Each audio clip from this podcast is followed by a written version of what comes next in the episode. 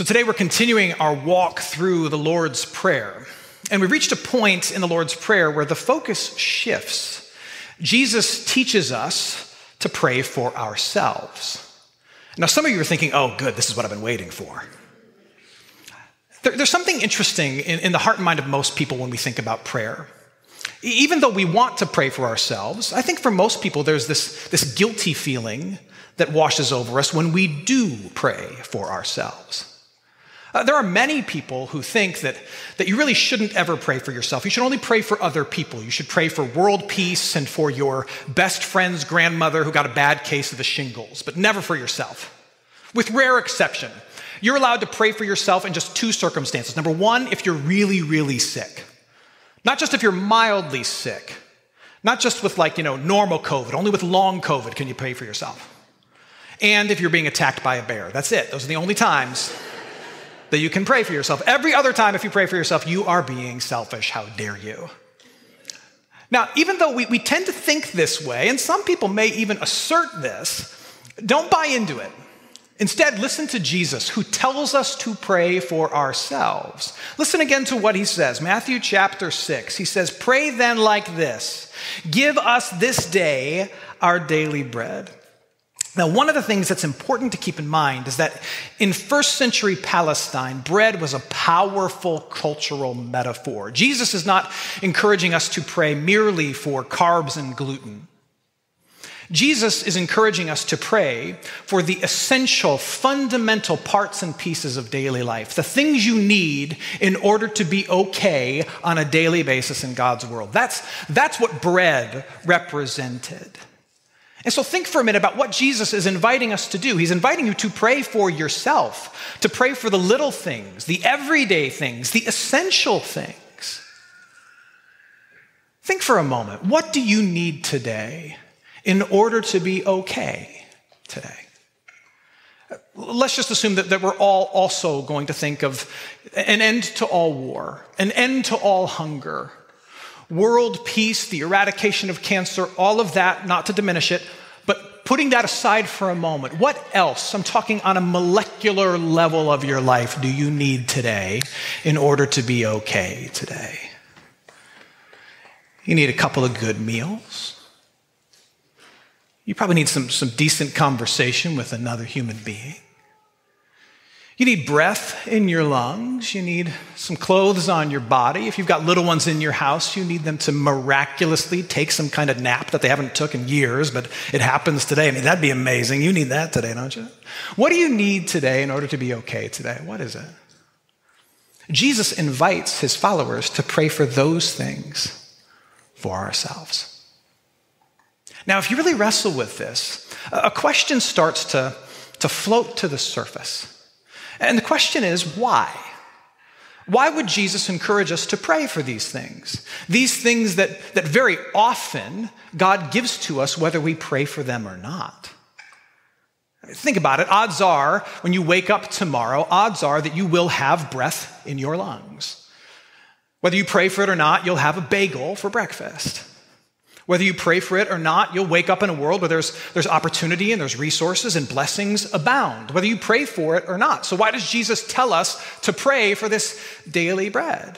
I mean, Jesus himself in the previous chapter, prior to Matthew chapter 6, Jesus says this he says, I say to you, love your enemies and pray for those who persecute you, so that you may be sons of your Father who is in heaven. Here's the key part for today. For he, the Father, makes his sun rise on the evil and on the good, and sends rain on the just and on the unjust. What Jesus is saying is, God gives the basics to basically everybody, whether you pray for them or not. So why do we pray for daily bread?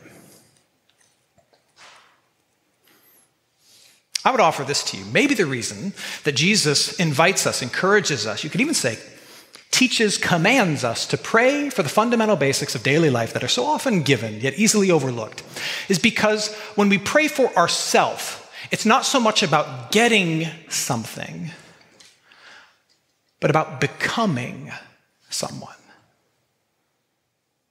We are instructed to pray for ourselves not with a focus primarily on getting the thing, but on becoming a certain person. I mean, it's parenting 101, right? I mean, remember the context of this prayer. Jesus says, Pray to our Father. So, so God is the Father, we are the children. And this is parenting 101. There are certain fundamental essentials that you provide to your children, whether they ask for them or not, especially when they're younger. Like when they're six years old and they're getting ready to go off to another day of kindergarten, there's certain things that you're going to be you're going to be sure to provide them with. You're going to be sure to provide them with a full belly, a body that doesn't stink, and pants that they're actually wearing. Which some days is harder than others, you have to admit, with small children. You're going to give them these things whether they ask for them or not. But, but here's what you also know as a parent that it's good for them to ask for those things that you're going to provide anyway. It's not as though you won't give them if they don't ask, but more, you are concerned about the kind of person they'll become if they never appreciate it, if they never ask.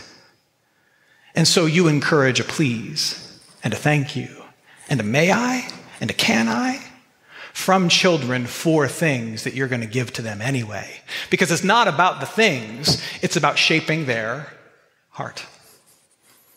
And so you encourage them to ask. Well, God is up to the same work in your life and mine. Why does Jesus tell us to pray for daily bread that 99% of the time he's going to give to us whether we ask for it or not? Because it's not about getting the thing, it's about shaping our heart. It's not about getting something, it's about becoming someone. So then the question now becomes this well, who is, who is God through these prayers for daily bread, through this prayer for myself? Who is God trying to mold and shape me into? What is He up to in my life and yours when we, we humble ourselves and we offer prayers like this? Good question.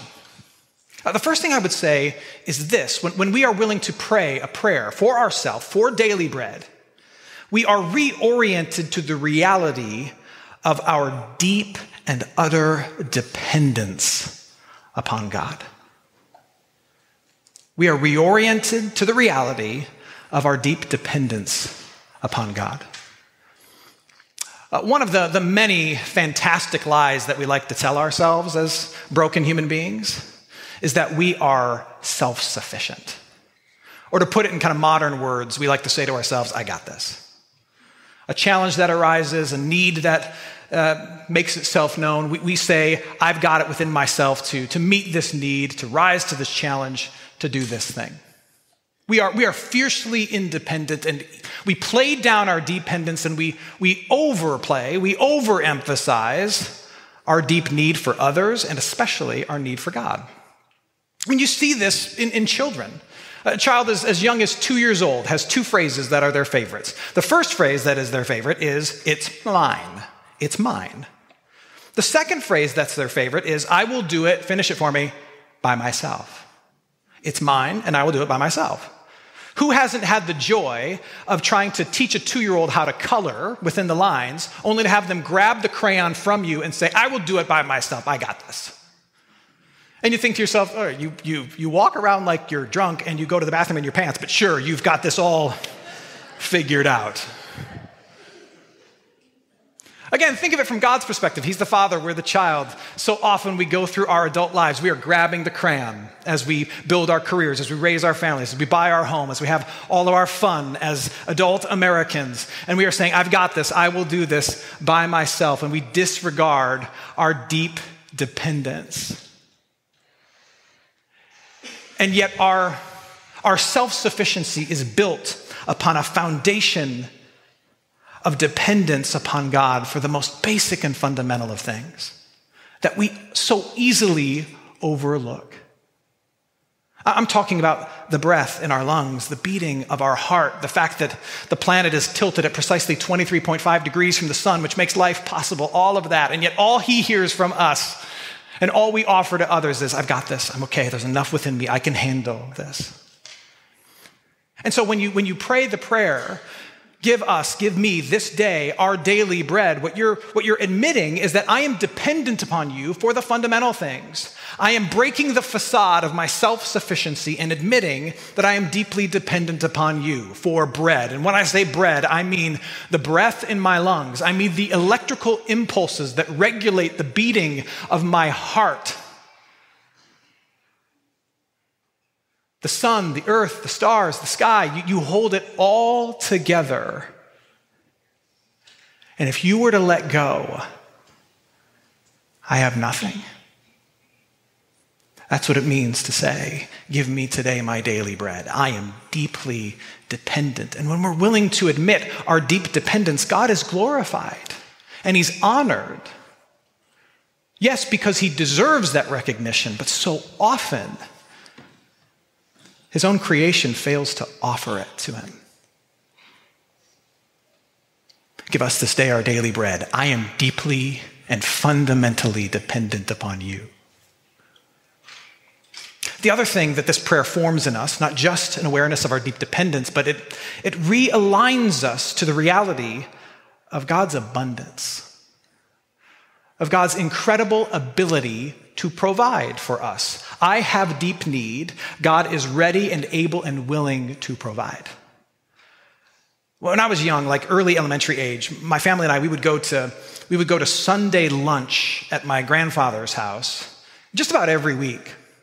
And, and very often we'd arrive there right about the time that he was getting home from the grocery store and he was unloading carts full of canned goods into his already overstuffed pantry. It seemed like every week he would buy a good 50 to 80 pounds of cream of mushroom soup and pack it into his pantry. And I remember on uh, more than one occasion asking my mom, why, why do grandma and grandpa buy so much stuff for their pantry? They already have a ton of stuff. It's just the two of them. We don't eat that much. We only come over once a week. Why do they need so much? They could open up their own store. And my mom told me things like, my grandparents lived through something called the Depression, and they survived, lived through World War II. And so they knew what it was like for things to be scarce. They knew what it felt like to go without. And so for them, a full pantry wasn't just about a full pantry, it was about a peace filled heart. To have a pantry full of cream of mushroom soup and tuna fish put their hearts at ease. It's very easy for us to fall into an attitude and a mindset of scarcity. And sometimes for, for understandable reasons, some of us have been through some stuff. We've gone through without some things. We've lived through some real lack. And so it's very easy for us to think, well, I, I don't want to go without again. I don't want my hands to be empty. I don't want to be, I don't want to be caught with nothing. And so we start to hoard things that we think are going to bring us peace. And for, and for some people, it's canned goods. For, for other people, it's, it's knowledge. You want to know all the things because you don't want to be caught off guard. So you read all the books, you scan all the articles, you listen to all the podcasts. For other people, it's, it's relationships. Like you, you don't want to ever be alone. And so you gather friends like trophies. You know what it is for, for me? And I, I'm a bit embarrassed to admit this, but you know what it is for me? For me, it's, it's often been technology. I don't want to be the guy who doesn't have the latest cool gadget or thing. And I think, you know, I think my counselor would tell you that it probably stems back from my childhood when, you know, we didn't have the cool new video game system that the other kids have. I remember trading, trading my old dirt bike one time for a used Sega Genesis, and that was awesome. And so, very often, I don't want to be the guy that can't afford or doesn't have the latest piece of technology, and so I will upgrade my iPhone way before I actually need to. Or I will go out of my way to convince my very frugal wife that we need a brand new television, and she will tell me we don't need a new television. Which, by the way, we do actually need a new television. So if you see her today, just like put in a put in a good word for me now. They have like 8K, like round one. Our, Like we don't have that, so we might need that. We hoard the things that we think are going to give us peace. And yet, when we pray, you know, give me today my daily bread, what we're what we're admitting is not just our dependence, but what we are confessing is a belief in God's abundance. He can meet that and any need. In fact, that's what Paul says in the words we heard earlier. Listen to this Philippians chapter 4. My God will supply every need of yours. Think about that. Think about the statement he's making. My God will supply every need of yours.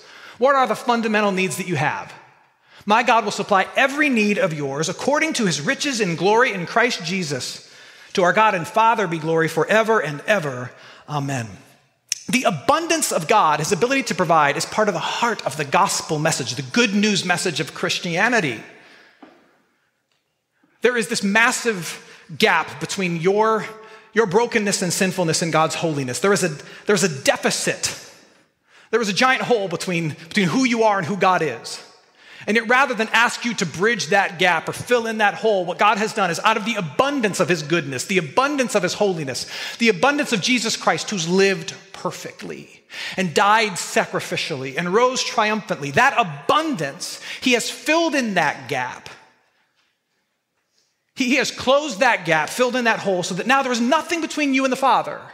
So that you are, you are nothing but a beloved, forgiven child of God out of the abundance of God, He has made you His own.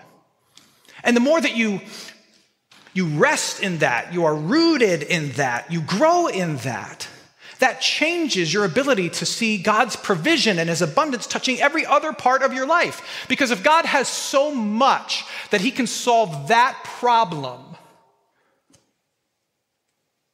can He not, out of that same abundance, deal with your finances or your food or your, or your clothes or, or your health, if he's so generous and so abundant as to fix your sin and death,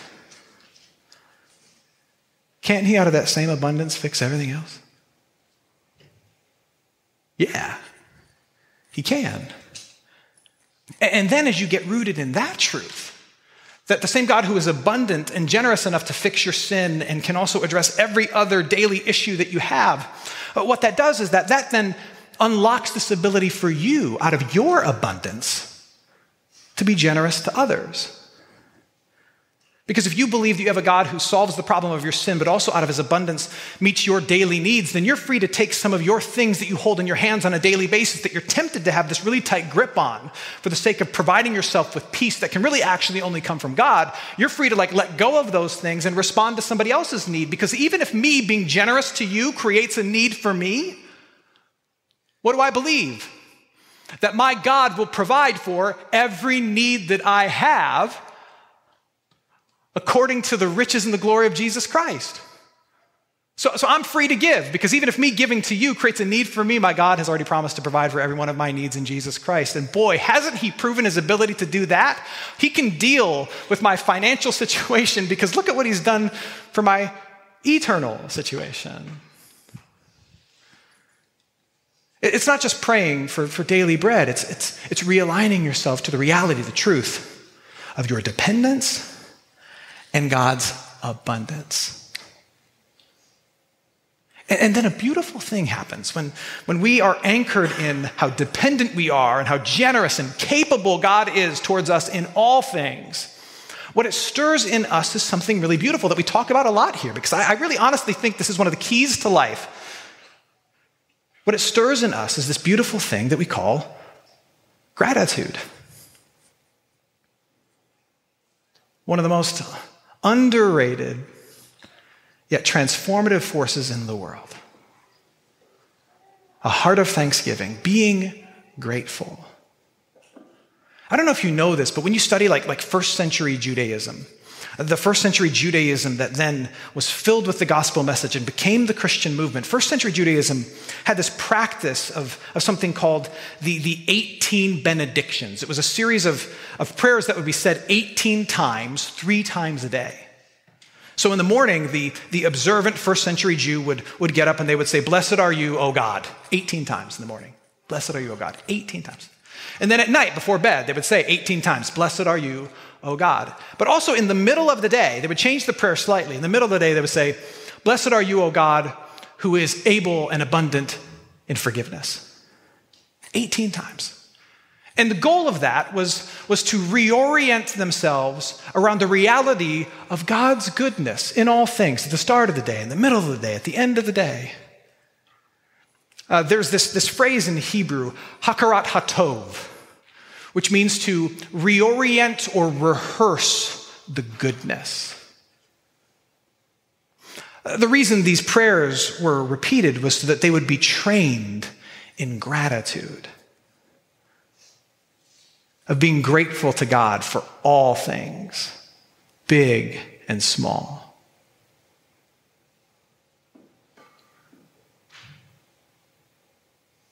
I said at the beginning that What, what if the reason we pray for ourselves, as encouraged by Jesus, is it's not just to get something, but to become someone? What if the goal for God in prayers for yourself is that, is that you might become a grateful person? Because I, I think that the, the second greatest gift that God can give, second only to salvation, is the gift of a generous, grateful heart. Because I, I, think that people who are rooted in, in gratitude towards God, they can withstand just about any storm that comes their way. They can be the kind of person who, no matter what is going on around them, they, they can say to themselves, you know what, I, I, feel the ground beneath my feet. I feel the sun on my skin. I smell, I smell dinner in the oven. I, I can feel the grace that comes to me for every sin and every struggle from the cross of Jesus Christ. There's a whole lot of other awful things happening, but I can feel this, and I know this, and I can smell dinner, and I know I'm forgiven. And so what I'm able to say is, God is good, and I am blessed. What if getting to that place, your ability to see your deep need, God's abundance in all things, big thing and small thing, stirring up gratitude in you? What, what if that is the height of Christian maturity? What if that is actually the goal of what Christians call sanctification? What if that's part of the meaning of life? To have the light bulb turned on, that everything is icing on an incredible cake that comes from God, and you are blessed. What if the goal of prayer is to turn you into someone? And what if that someone is someone who, at the most basic, most fundamental level, is thankful?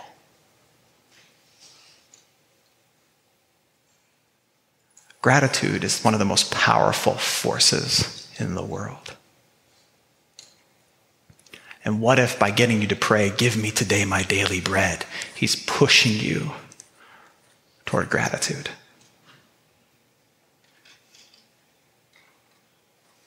When I was growing up, there was, there was one television show that we were not allowed to watch under any circumstances. And that television show was The Simpsons. If you were growing up, coming of age in the 90s, and you grew up in a even a remotely Christian home, mom and dad, if they were being good parents, they're like, there's one show you cannot watch. You cannot watch The Simpsons. Because the idea of a kid saying to his parents, don't have a cow, man, was just way too crazy. I did manage to watch a good deal of it, however. There, there, was one episode in particular that got parents around the country upset, and it was in season two, and it was this, this moment where the entire Simpson family is around the dinner table, and they have some special guests over. Homer's boss from Power Plant is actually sitting there, Mr. Burns is there, and they ask Bart to say grace to start the meal. And, and this is what Bart says Bart's prayer goes like this Dear God, we paid for all this stuff ourselves, so thanks for nothing. As you might imagine, that, that caused a, a bit of a stir among some of America's parents. And, and at first glance, you know, I, I thought that the reason it bothered people was because it's a bit blasphemous.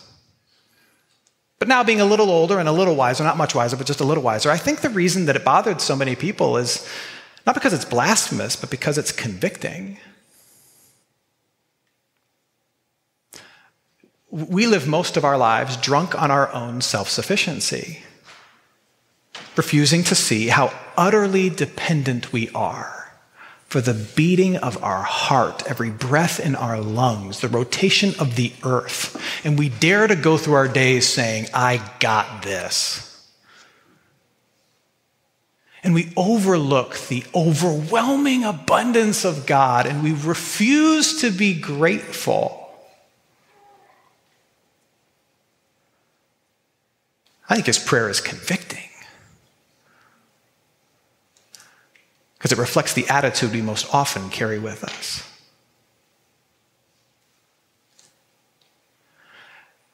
In teaching us how to pray, Jesus is inviting us into another way of being. By saying, Give me today my daily bread, he's encouraging you to confess your dependence, to believe in God's abundance and to become a person deeply rooted in gratitude. What do you need today in order to be okay today?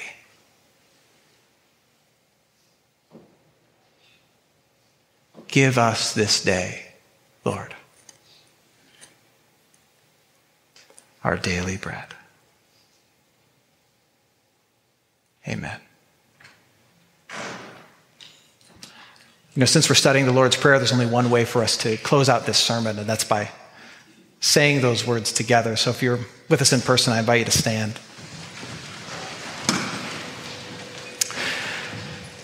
Jesus' disciples asked him, Rabbi, teach us how to pray. And so Jesus, looking at his disciples with, with compassion, he said to them, When you pray, pray like this Our Father, who art in heaven, hallowed be thy name. Thy kingdom come, thy will be done, on earth as it is in heaven. Give us this day our daily bread, and forgive us our trespasses, as we forgive those who trespass against us. And lead us not into temptation, but deliver us from evil. For thine is the kingdom, and the power, and the glory, forever and ever. Amen.